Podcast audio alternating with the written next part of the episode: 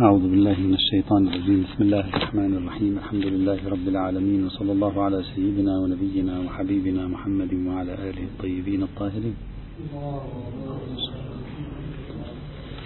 بعد أن انتهينا من المقدمة تعرضنا فيها لبعض الموضوعات التمهيدية المتصلة بأصل عنوان التزاحم أو فقه الأولويات.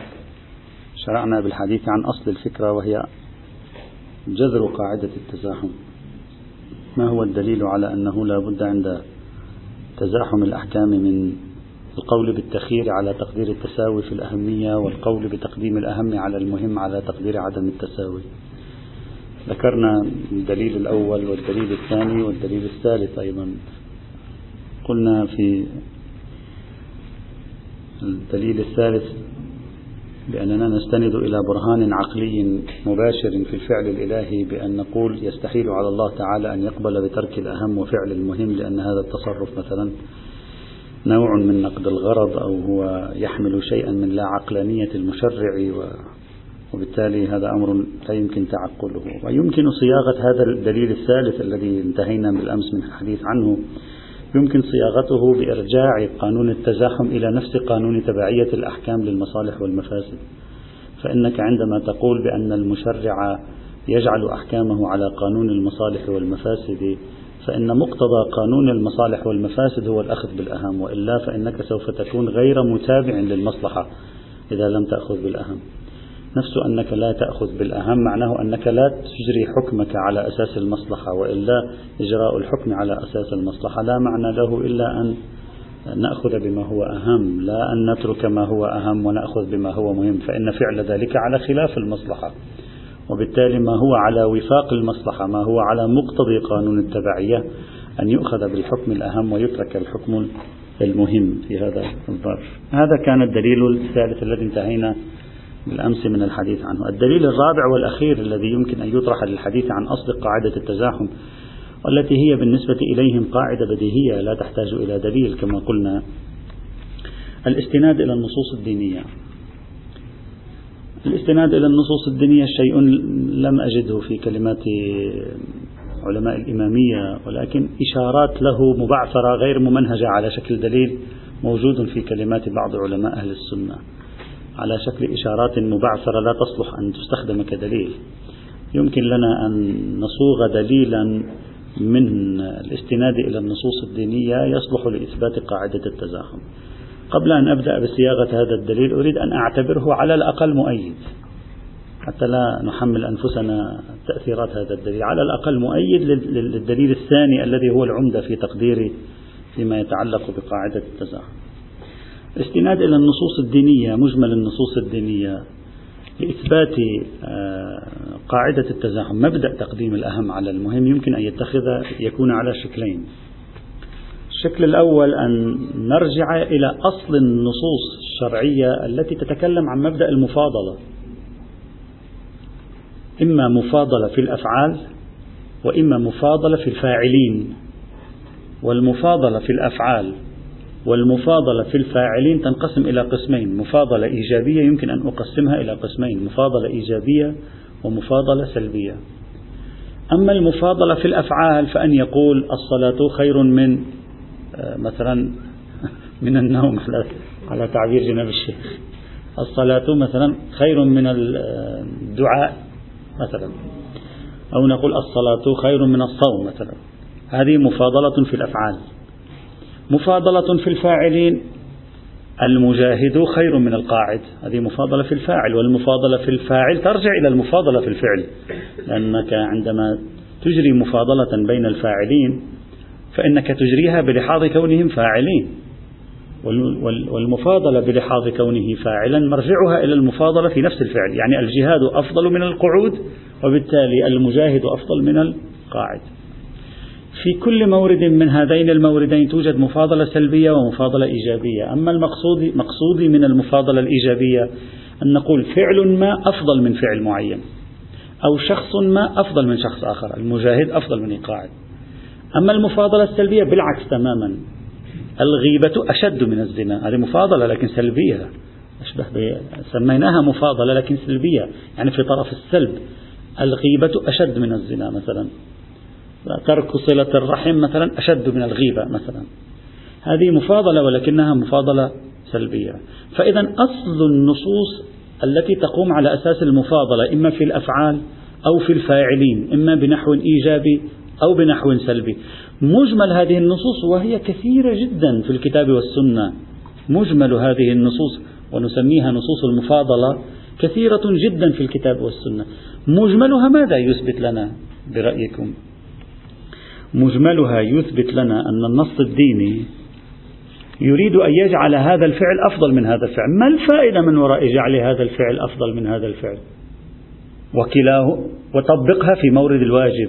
ما الفائدة من ذلك؟ لا فائدة من أحد أهم الفوائد التي ينصرف إليها الذهن من وراء هذه المفاضلات هي حال التزاحم. بحيث لو تزاحما في مورد واحد هذا أفضل من هذا قدمت هذا على. هذا وإلا ما هي الفائدة المرجوة عادة؟ من وراء أن يقول هذا الفعل أفضل من هذا الفعل. والمفروض أن كلاهما واجب. هذا الفعل واجب وهذا الفعل واجب. هذا مشمول لحق الطاعة لله سبحانه وتعالى وهذا مشمول لمولويته سبحانه وتعالى. بيان أن هذا أهم وهذا مهم. أي قيمة له في هرم الشريعة؟ ما الفائدة من وراء؟ إلا أن يقول لك بأن هذا أولى عندي في الفعل من ذاك مع أن الثاني واجب.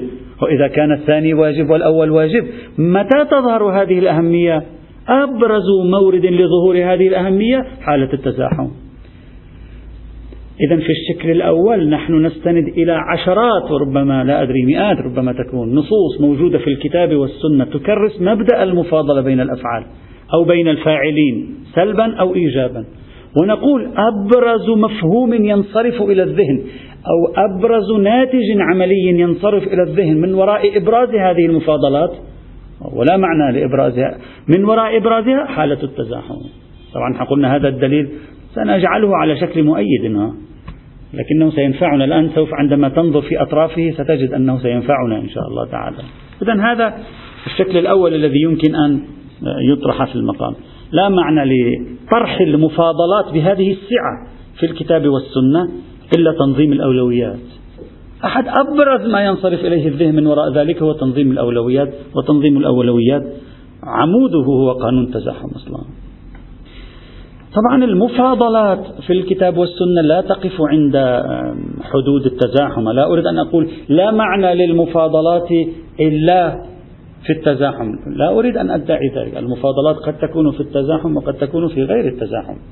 لكن واحد من أبرز معطياتها عادة هو التزاحم. وإلا بعض المفاضلات ربما يكون مرجعها إلى شيء غير التزاحم. مثل قوله مثل قوله تبارك وتعالى في سورة التوبة الآية 19 20 أجعلتم سقاية الحاج وعمارة المسجد الحرام كمن آمن بالله واليوم الآخر وجاهد في سبيل الله لا يستوون عند الله. سقاية الحاج وعمارة المسجد الحرام. ليس أمرا سلبيا أمر مطلوب في الشرع بل هو واجب نوعا ما. لأجل إقامة هذه الفريضة لا يمكن إلا أن يكون هناك سقاية للحجيج لا يمكن إلا أن يكون هناك عمارة وتنظيم للمسجد الحرام. عمارة المسجد الحرام تنظيم المسجد الحرام سقاية الحجيج والاهتمام بهم من أعظم الواجبات. ومن أعظم المطلوبات في الشرع تمهيد لفريضة مثل سقاية الزائرين والاهتمام بأمر الزيارة وتنظيم شؤونها من أعظم الأمور المطلوبة المرغوب إليها في الشرع. لكن مع ذلك الآية القرآنية تريد أن تقول لا تجعلوا هذا مثل الذي يؤمن ويجاهد في سبيل الله الجهاد في سبيل الله ليس مثل هذا. وبهذا هي صحيح أنها قد لا تكون ناظرة إلى باب التزاحم لأنها في الحقيقة ناظرة إلى باب المفاضلات تريد أن تقول ليس هذا مثل هذا هذا مكرم عند الله أكثر من ذلك. حتى لو لا يوجد تزاحم فهي تريد أن تعطي مفهوما حتى لو في غير فرض التزاحم. فنحن لا نريد أن ندعي كل مفاضلة فعلية أو فاعلية موجودة في الكتاب والسنة فليس لها معنى إلا التزاحم. لا المفاضلات قد يكون لها معان أخرى خاصة المفاضلات بين المستحبات. لكن نريد أن نقول واحدة من آثار المفاضلات التي ينصرف إليها ذهن العرف عادة هي موارد التزاحم.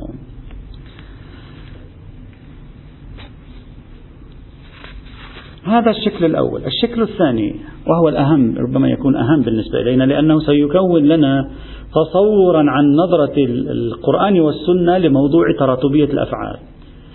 الشكل الأول من الاستدلال بالنصوص الدينية أصل روايات وآيات التفاضل.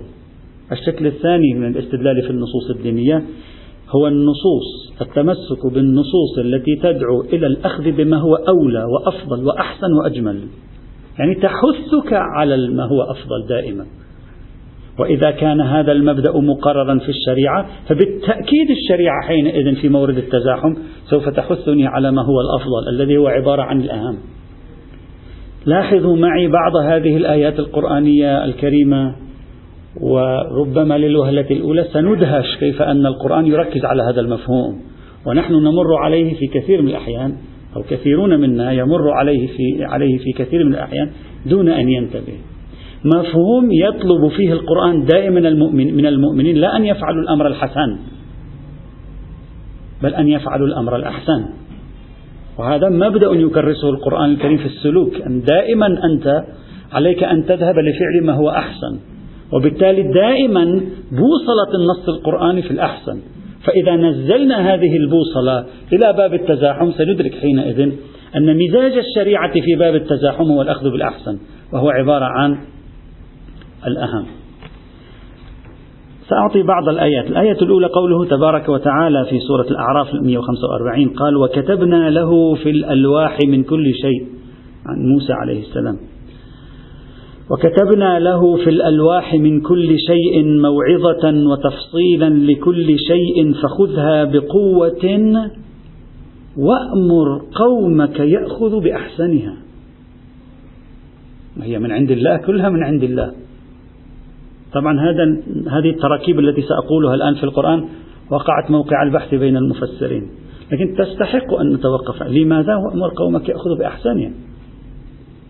يعني الإنسان لا هي كلها من الله كلها كتبنا له في الألواح.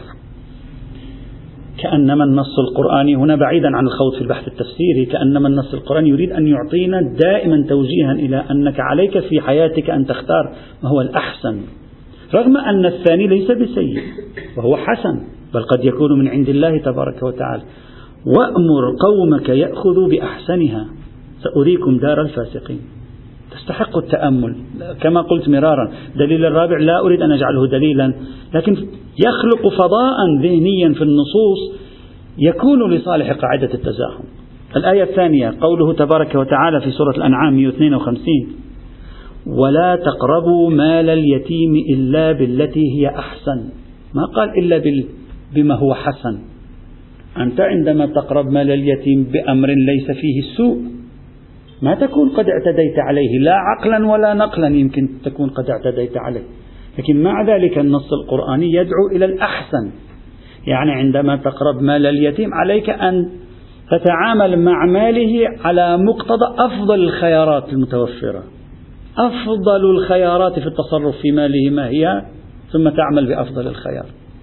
يعطينا هذا النص إضاءة على بوصلة الأحسنية في السلوك. وهذا شبيه هذه الآية موجود أيضا في سورة الإسراء الآية 34 آية أخرى آية ثالثة قوله تبارك وتعالى وهو الذي خلق السماوات والأرض في ستة أيام وكان عرشه على الماء ليبلوكم أيكم أحسن عملا. إشارة إلى الأحسنية أيضا وإن كان هذه الآية أقل من الأولى والثانية في الإرشاد والدلالة. الآية الرابعة قوله تبارك وتعالى ادع إلى سبيل ربك بالحكمة والموعظة الحسنة وجادلهم بالتي هي أحسن. ما قال وجادلهم بما هو حسن. وإنما دائما ذهب إلى ما هو الأحسن في, في مجادلة غير المسلمين كما جاء في سورة النحل الآية 125 أو كقوله تعالى في نفس الموضوع في سورة العنكبوت الآية 46 ولا تجادلوا أهل الكتاب إلا بالتي هي أحسن. منهيون عن مجادلتهم حتى بالحسن على ما يبدو. مأمورون بمجادلتهم بأفضل طرق المجادلة. يعني أنت وأنت تقوم بالحوار معهم عليك أن تختار أفضل الخيارات في الحوار. وهذا توجه كأنما لا نلتفت إليه كأنما هذه الآيات لا تأخذ من عندنا موقع التقعيد. لا أقل التقعيد السلوكي لا أريد أن أؤسس لا قاعدة فقهية ولا قاعدة أصولية الآن. لكن لا أقل تقعيد ما يؤشر في هذه البوصلة. آية خامسة قوله تبارك وتعالى وهذه أيضا لطيفة. والذين اجتنبوا الطاغوت أن يعبدوها وأنابوا إلى الله لهم البشرى فبشر عباد الذين يستمعون القول فيتبعون أحسنه. فاستمع أنت إلى قول كثير ثم ميزتك أنك تختار ما هو الأحسن من هذه الأقوال. نفس أن يقول يتبع الأحسن توجيه نحو اتباع الأحسن توصيف العباد بأنهم يتبعون الأحسن. فأنت وسط مختلف الأقوال تختار ما هو الأفضل والأحسن. وربما غيره يكون سيئا وربما لا يكون سيئا لكنه ليس بمستواه في الحسن. فأنت عليك في الاستماع إلى الأقوال أن تتبع ما هو الأحسن وأن تأخذ بما هو الأحسن من الأقوال. كما جاء في سورة الزمر الآية 17 والآية 18 ويصفهم يقول يستمعون القول فيتبعون أحسنه. أولئك الذين هداهم الله وأولئك هم أولو الألباب. الآية السادسة ما قبل الأخيرة على ما أظن أو لا. قال تعالى وقل لعبادي يقولوا التي هي أحسن. يعني مأمورون أن نقول ما هو الأفضل.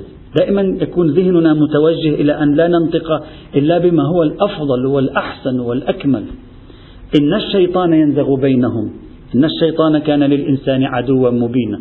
إذا في عندك جملتين وأنت تتكلم مع شخص آخر إذا في جملة يمكن أن يكون للشيطان فيها منفذ هي حسنة. لكن قد ينفذ فيها الشيطان فيوقع بينك وبين أخيك شيئا ما اختر الجملة الأحسن. دائما اذهب إلى الجمل الأحسن سد الذرائع تنفع بسد الذرائع.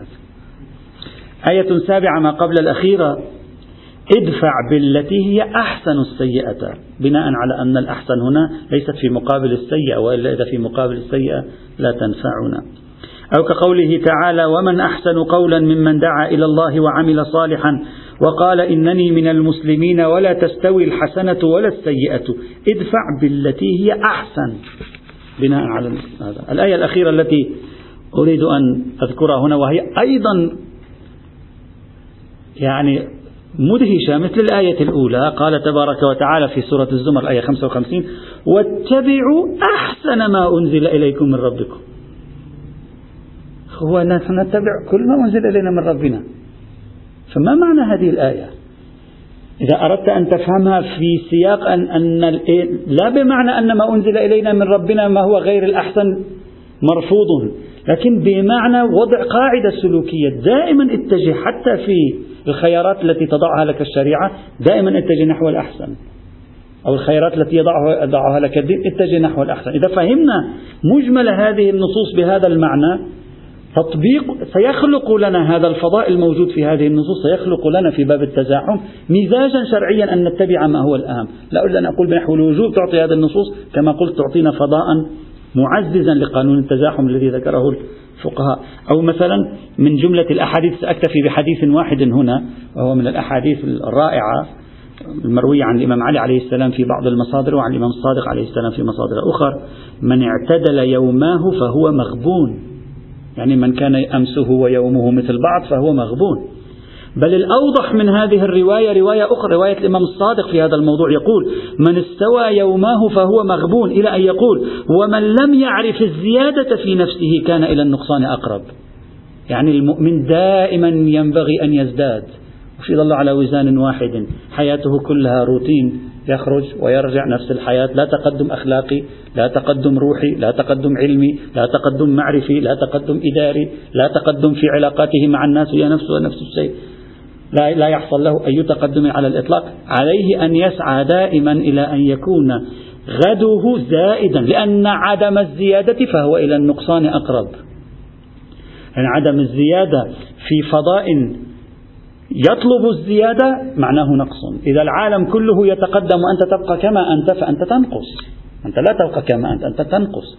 حساب الشيء في ذاته شيء وحساب الشيء بالقياس إلى غيره شيء آخر. وإلا السلحفاة هم أيضا تتقدم. وبعضهم لما يأتي اسمحوا لي بعضهم لما يأتي إلى فضائنا الديني يقول لا شيخنا الأوضاع ممتازة انظر قبل خمسين سنة نحن كيف كانت أوضاعنا والآن كيف كانت أوضاعنا نتقدم نتطور الأمور جيدة نعم نتقدم ونتطور. لكن تلتقس الأمور إلى خارج ساحتك. إذا كانت السرعة هناك أكثر فأنت لا تتقدم بحسب المحصلة النهائية. هناك قياس الشيء في ذاته وهناك قياس الشيء إلى غيره. وبالتالي الآية تريد أن تقول دائما يجب عليك أن تزداد. إذا لم تكن تزداد بالمستوى المطلوب أنت في الحقيقة تنقص.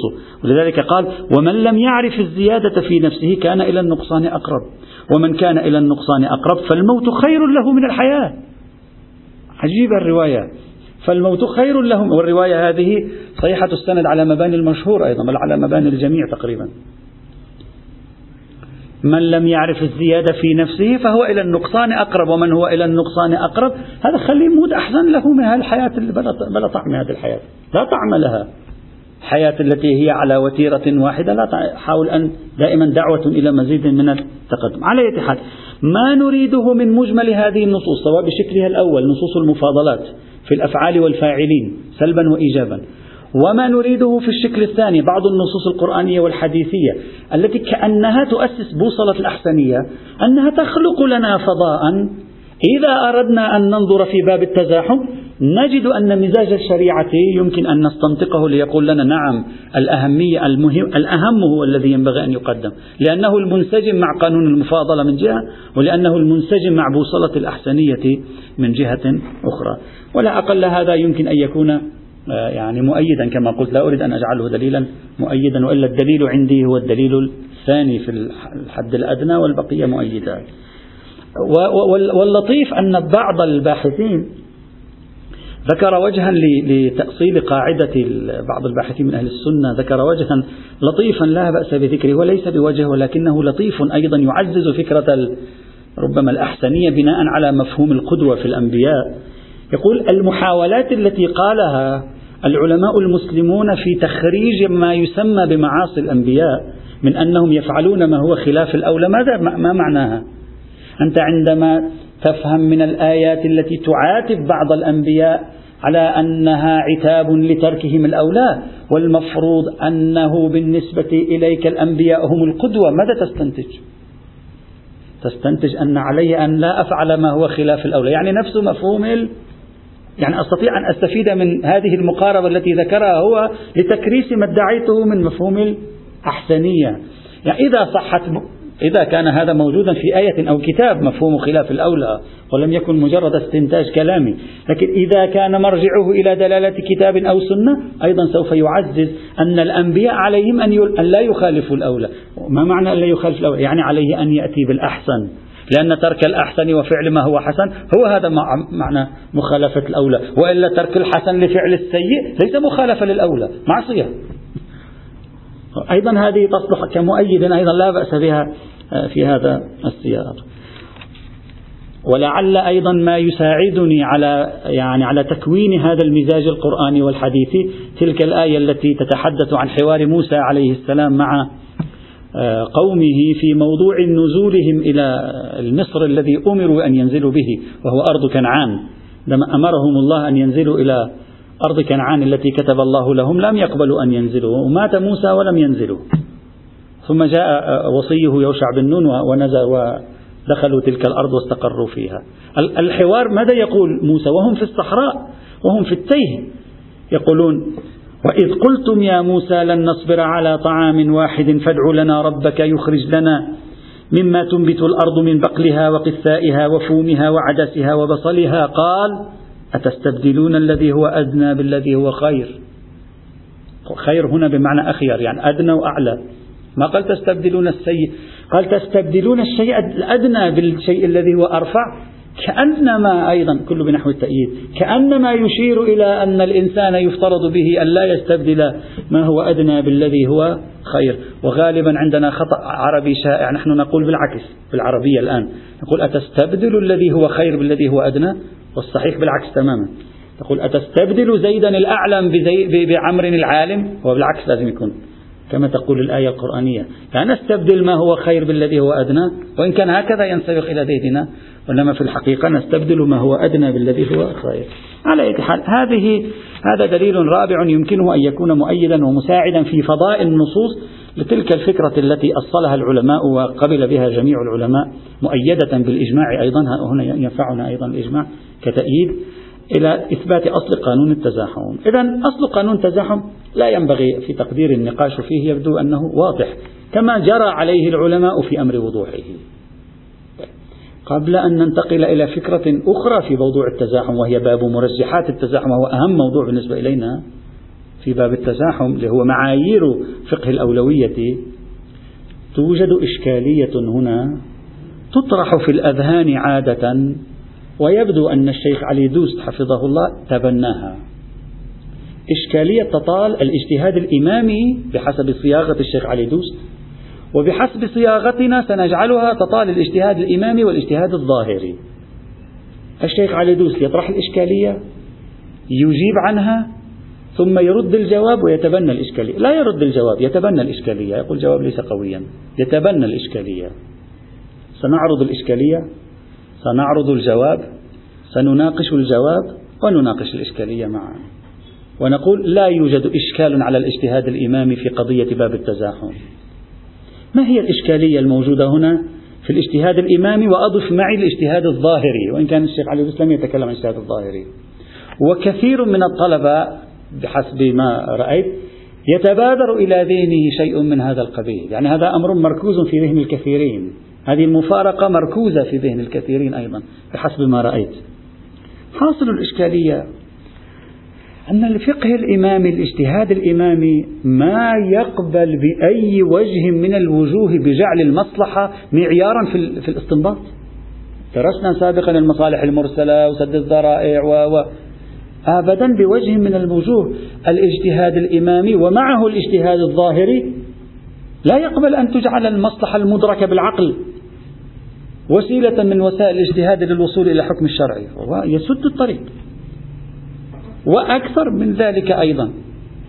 يقول لا يمكن للعقل مستقلا أن يكتشف المصالح ويعبر باكتشافه المصالح نحو الأحكام. أبدا هذا طريق مسدود على العقل. طيب يا أخي إذا كان الأمر كذلك كيف تفتح باب التزاحم أنت؟ كيف تقول هذا الحكم أهم من هذا الحكم؟ هو ما معنى الأهمية غير, غير أن ملاك هذا هو أقوى من ملاك هذا؟ ما معنى أن هذا الحكم أهم من هذا الحكم؟ يعني ملاك هذا الحكم أهم من ملاك هذا الحكم. ولذلك إذا تذكرون أمس أول أو أول أمس قلنا بأن المحقق العراقي لم يقبل بأن يعبر بتزاحم الأحكام وإنما عبر بتزاحم الملاكات. رفض أن يقول التزاحم روحه وجوهره تزاحم الملاكات عنده وليس تزاحم الأحكام خلافا لما هو المشهور بينهم. إذا أنت ما في معنى لنظرية التزاحم إلا أن يكون هناك شيء أهم وشيء مهم. أو شيء مهم وثاني مساو له. مساو له في ماذا؟ أهم في ماذا؟ في الملاك. وإلا ما معنى الأهمية؟ لا يوجد شيء اسمه. هذا جعل قانوني هذا جعل قانوني. هذا اعتبار شرعي هذا اعتبار شرعي. هذا وجوب هذا وجوب. ما الفرق بينهما؟ أهمية لا يمكن تصورها إلا في باب الملاكات. طيب إذا كان الأهمية لا يمكن تصورها في باب الملاكات إذا أنت لا يمكنك أن تقول هذا أهم إلا أن تكون قد عرفت الملاك. والمفروض أنك تقول معرفة الملاك مسدودة. يا أخي أنت من جهة تقول لنا إياكم أن تتدخلوا لمعرفة الملاكات فإن هذا أمر مسدود أمامكم. انسداد باب معرفة الملاك. ومن جهة أخرى تقول لي قانون التزاحم وتطبق قانون التزاحم في مئات الموارد. وتعطي نفسك صلاحية تطبيقه في مئات الموارد. كيف عرفت أنه أهم؟ ما دمت لا تعرف الملاكات. معرفة أصل الملاك في البداية شيء ثم بعد ذلك تجري مقارنة بين الملاكات لتقول هذا أهم. أنت لا تعرف أصل الملاك. كيف تعرف أنه أهم؟ إذا هذه أصل المفارقة التي يتورط فيها حسب هذا الإشكال الفقه الإمامي والفقه الظاهري. عدم إمكان الجمع بينهما بأي وجه من الوجوه. لذلك لاحظ السيد الخوئي وله كلام خطير لا نعرف كيف يجمع بينه وبين نظرية التزاحم. يقول السيد الخوئي لاحظ عبارته مهمة بالنسبة إلينا. يقول العلم بوجود مصلحة في فعل أو مفسدة تابع لتعلق الأمر أو النهي. فمع قطع النظر عنه لا يمكن العلم بأن فيه مصلحة أو مفسدة. أصل المصلحة أن فيه مصلحة. يعني الأمر كاشف عن وجود مصلحة.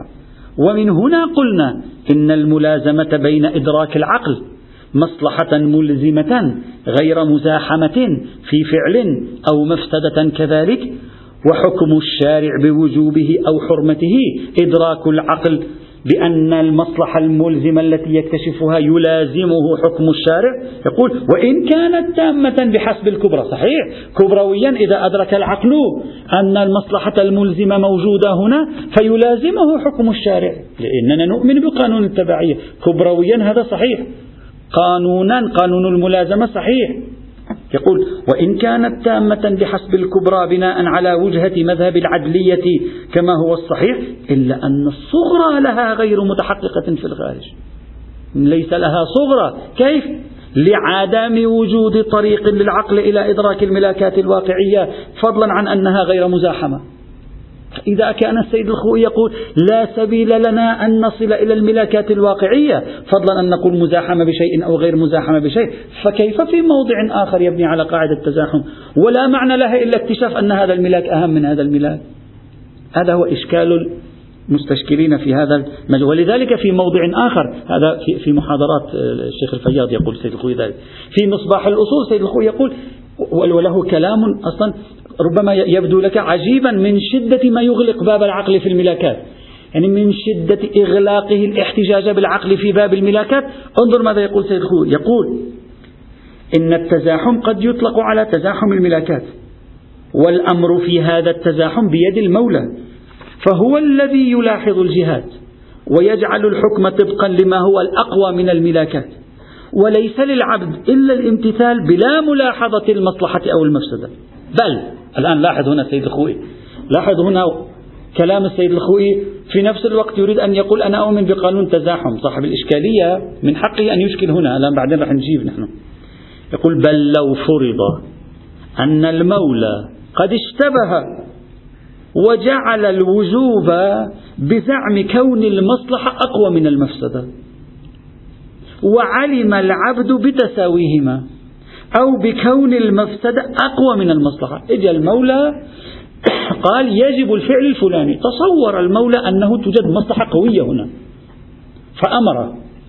فصار في وجوب أنت العبد قطعت بأن المولى اشتبه. واقعا اشتبه المولى. فليس فقط قطع المولى نتكلم بشكل كلي. واقعا اشتبه المولى. يقول ليس لك حق أن ترفع يدك عن هذا التكليف الشرعي. أنت تجزم يقول لا ليس لك الحق أن ترفع اليد عن تكليف الشرع لأن أمر الملاكات بيد المولى. يقول بل لو فرض أن المولى قد اشتبه يجب عليه الامتثال بحكم العقل. فإنه لو تركه معتذرا بكون المأمور به خاليا عن المصلحة لا يسمع منه الاعتذار.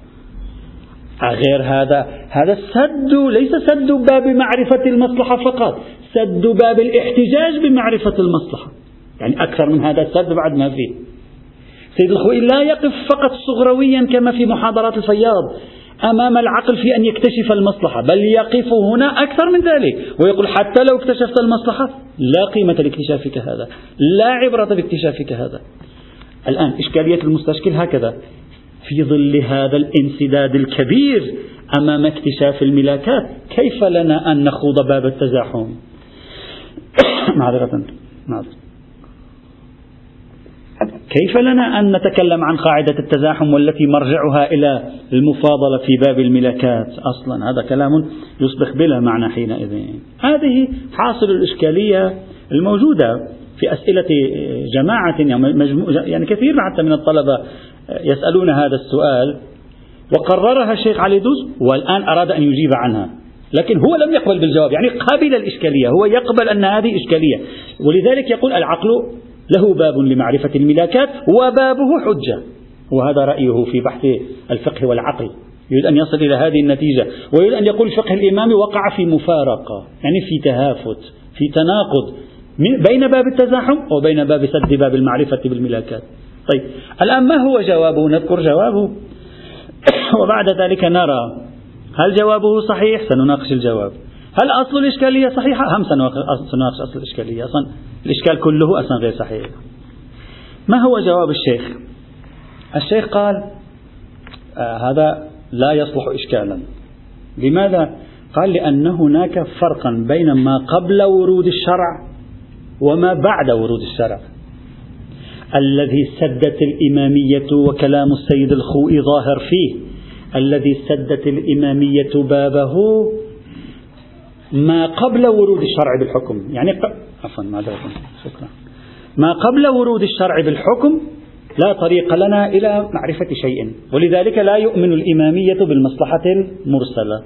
لأن المصلحة المرسلة لم يرد فيه شيء. المفروض موضوع المصلحة المرسلة عدم ورود النص. يعني لم يرد في الشرع فيه شيء. فلا معنى للمصلحة المرسلة. يقول ما سدت الإمامية بابه هو قدرة العقل على اكتشاف الملاكات قبل مجيء الشرع.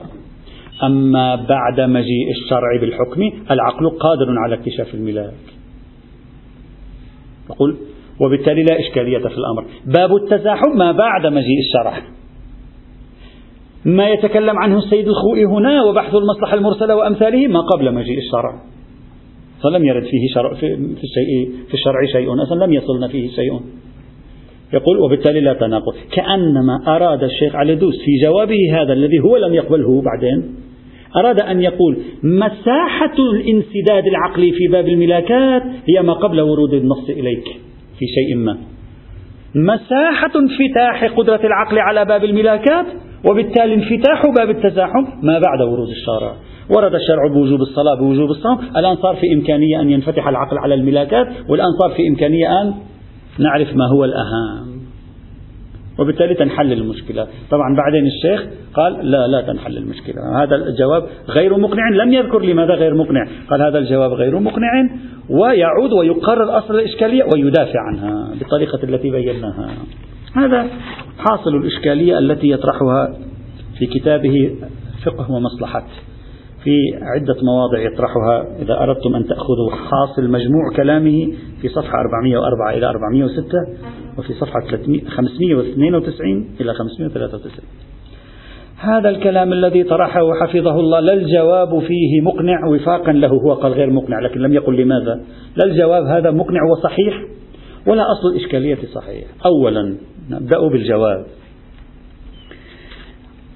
من قال أن الاجتهاد الإمامي والاجتهاد الظاهري يؤمنان بإمكان معرفة الملاكات حتى بعد ورود الشرع بالحكم. عقلنا المعرفة العقلية نتكلم. من قال؟ أبدا لا يؤمن هذا يعني حل في مكان آخر حل عند شخص آخر ليس عندهم. الإمامية لا فرق عندها في انسداد باب معرفة الملاكات نوعا للعقل بين قبل ورود الشرع. بالحكم ومن بعد ورود الشرع في الحكم. وهذا معروف من مذهبهم أن العقل بذاته لا يقدر على أن يكتشف الميلاد. طبعا ممكن لا يمانعون من قدرة العقل في مورد موردين ثلاثة أربع حالات موردية أن يحصل له قطع موضوعي. لا يمنعون. لكن قانون أن العقل بإمكانه أن يصل إلى شيء لا.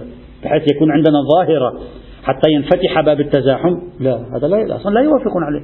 من قال أنهم يوافقون عليه؟ خاصة المتأخرون منهم. ولذلك هم لم يقبلوا بالقياس. أصلا كل مناقشات القوم للقياس قائمة على رفض العلة.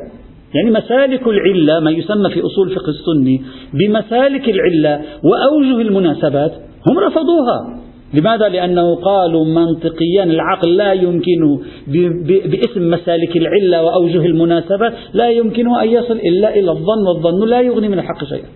وهذا كلامهم. وإلا لو, لو فتح الإمامية باب العقل في الملاكات ما بعد مجيء الشرع بالأحكام الشرعية لو فتح ذلك لسهل عليهم أمر القياس. ولما كانت هناك مشكلة بينهم وبين أهل السنة في موضوع القياس.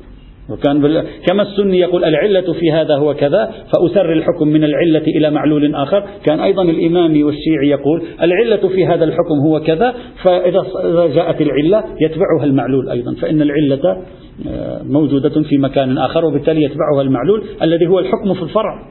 كما كان الحكم موجودا في الأصل. لا يقبلون بذلك.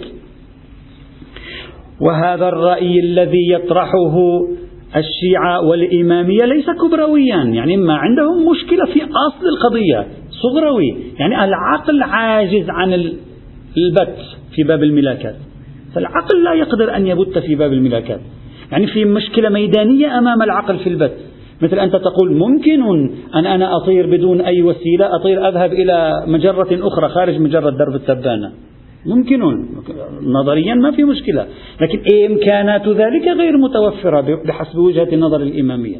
المشكلة عندهم بمراجعة مباحثهم في باب العلة وفي باب القياس هو أنه لا إمكانية للعقل سوى أن يصل إلى ظن لا أكثر ولا أقل والظن لا يغني من الحق شيئا. إذا لا فرق عند الإمامية ما قبل صدور النص ما بعد صدوره ما قبل وصوله ما بعد وصوله. سدين الباب على جميع الجبهات.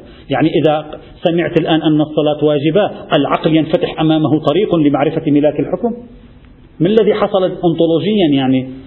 في هذا العقل يعني من ناحية أنطولوجية تغيرت قواعد الاشتغال عنده؟ إذا سمع أن الصلاة واجبة فصار يعرف الملاك قبل أن يسمع ما كان يعرف الملاك لا معنى حتى من الناحية الأنطولوجية أو الإبستمولوجية أصلا لا معنى لها شو يتغير أصلا؟ لا يتغير شيء.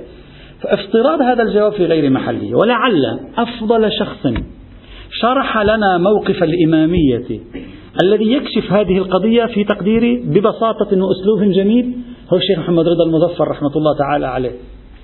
وذلك في الفصل الذي خصصه لدراسة أن القياس لا ينتج العلم. القياس نوعان منطقيا لا ينتج العلم. وشرح هناك لماذا القياس لا ينتج العلم. وعندما تقرأ شرحه لماذا القياس لا ينتج العلم؟ تعرف أن القياس لا ينتج العلم لأن العقل يظل مهما توصل إلى معلومات ما تزال أمامه احتمالات. وبالتالي لا يستطيع أن يجزم ويحصل على علم. ليس أمامه سوى ظن لا يغني من الحق شيئا. لذلك تجد أن الشيخ محمد بن مظفر بعد أن قال القياس الفقهي هو التمثيل المنطقي والتمثيل المنطقي لا يعطي إلا الظن يقول نعم ممكن أن يتشابه الأصل والفرع. تشابها كبيرا فيرتفع مستوى الظن كثيرا. لكن في نهاية المطاف ليس أمامك إلا ظن. هذا هذا كلامه ليس أمامك إلا ظن. لماذا؟ لماذا؟ وليس أمامك في معرفة العلة إلا السمع يعني الأخذ من النصوص. لاحظ الآن كيف يشرح الشيخ المظفر القضية. يقول مهما فعلت أنت أمام خمس احتمالات. وخروجك من هذه الاحتمالات الخمس دونه خرط القتاد ثم أكله على ما أظن. حتى تخرج من هذه التي سيقولها الآن دونه مصاعب.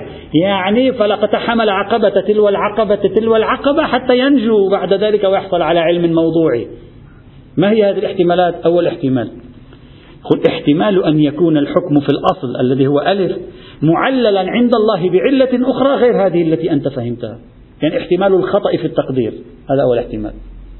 الاحتمال الثاني احتمال أن يكون هناك وصف آخر ينضم إلى الصفة التي توصل إليها القائس ولم يلتفت إليها القائس.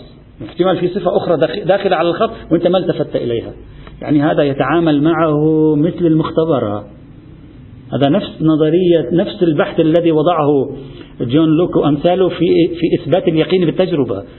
يعني بدك تنفي احتمال أن يكون هناك علة أخرى في تحريم الخمر مثلا؟ غير هذه العلة التي أنت اكتشفتها منين تنفي؟ أنت كل ما تستطيع أن تفعل تقول هذه علة. يعني هذه لها دور هذا معنى علة معذرة لها دور. أما ليس يوجد دور آخر لشيء آخر ما كيف تنفي إلا يكون عندك علم الغيب. احتمال ثالث يقول أن يكون احتمال أن يكون القائس قد أضاف شيئا أجنبيا إلى العلة. هو اكتشف العلة لكن اكتشفها مع زيادة. فظن أنها مع الزيادة هي العلة. هذا أيضا احتمال. كيف تنفي احتمال رابع. أن يكون ما ظنه القائس علة ليس هو الوصف المجرد بل الوصف مع الموضوع. وهذا أصعب مشكلة. يعني مثلا تقول آه، الصلاة في المسجد مستحبة. ثم تقول وأقيس استحباب الصلاة في المسجد على قراءة الدعاء في المصلى مصليات نفس الجهة. يقول لك ليست القضية قضية مسجد. قد تكون في المسجد مأخوذة وقد تكون فقط الصلاة مأخوذة. يعني الخمر محرمة نعم لخصوصية الإسكار مع الخمرية. ممكن. ممكن تكون محرمة لخصوصية الإسكار مع الخمرية. يعني نفس الموضوع دخيل في التحريم. إذا نفس الموضوع دخيل معناته أنت ما فيك تجيب العلة وتسرر العلة إلى مكان آخر لتغير الموضوع. كيف تشيل هذه الاحتمالات؟ والاحتمال الخامس والأخير يقول احتمال أن تكون العلة الحقيقية لحكم المقيس عليه غير موجودة أو غير متوفرة بخصوصياتها في المقيس. يعني الخصوصية التي أنت تقول موجودة في ألف وهي موجودة في باء. أصلا كنت أنت مشتبه ما موجودة في باء. تعال اخرج من هذه العقبات الخمس حتى تصل إلى يقين. هذا الشرح الأصول الإمامي لرفض نظرية القياس ما معنى؟ استحالة معرفة العلل والملاكات. استحالة معرفة الملاكات. وهذا معنى هكذا. هذا هو الأصول الإمامي فأن تقول في الجواب إن الإمامية يرفضون معرفة الملاك ما قبل مجيء الشرع ويقبلون بمعرفة الملاك والعلل ما بعد مجيء الشرع. هذا خلاف مبناهم. ولا أظن أحدا يمكن أن يقبل. ولعله لذلك الشيخ قال هذا يعني حاول المسكين أن ينقذ الموقف وما طلع معه إنقاذ من الموقف. فإذا هذا الجواب غير وارد في تقدير. هل أصل الإشكال على الاجتهاد الإمامي وارد؟ أنه في مفارقة بين بحث سد باب العلم بالملاكات ومن بحث التزاحم؟ أصل الإشكال غير وارد لنكتة تدل على أن المستشكل ربما لم يلتقط الفكرة الأساسية التي يقولونها في باب التزاحم وسيأتي إن شاء الله تعالى والحمد لله رب العالمين. اللهم صل على محمد وآله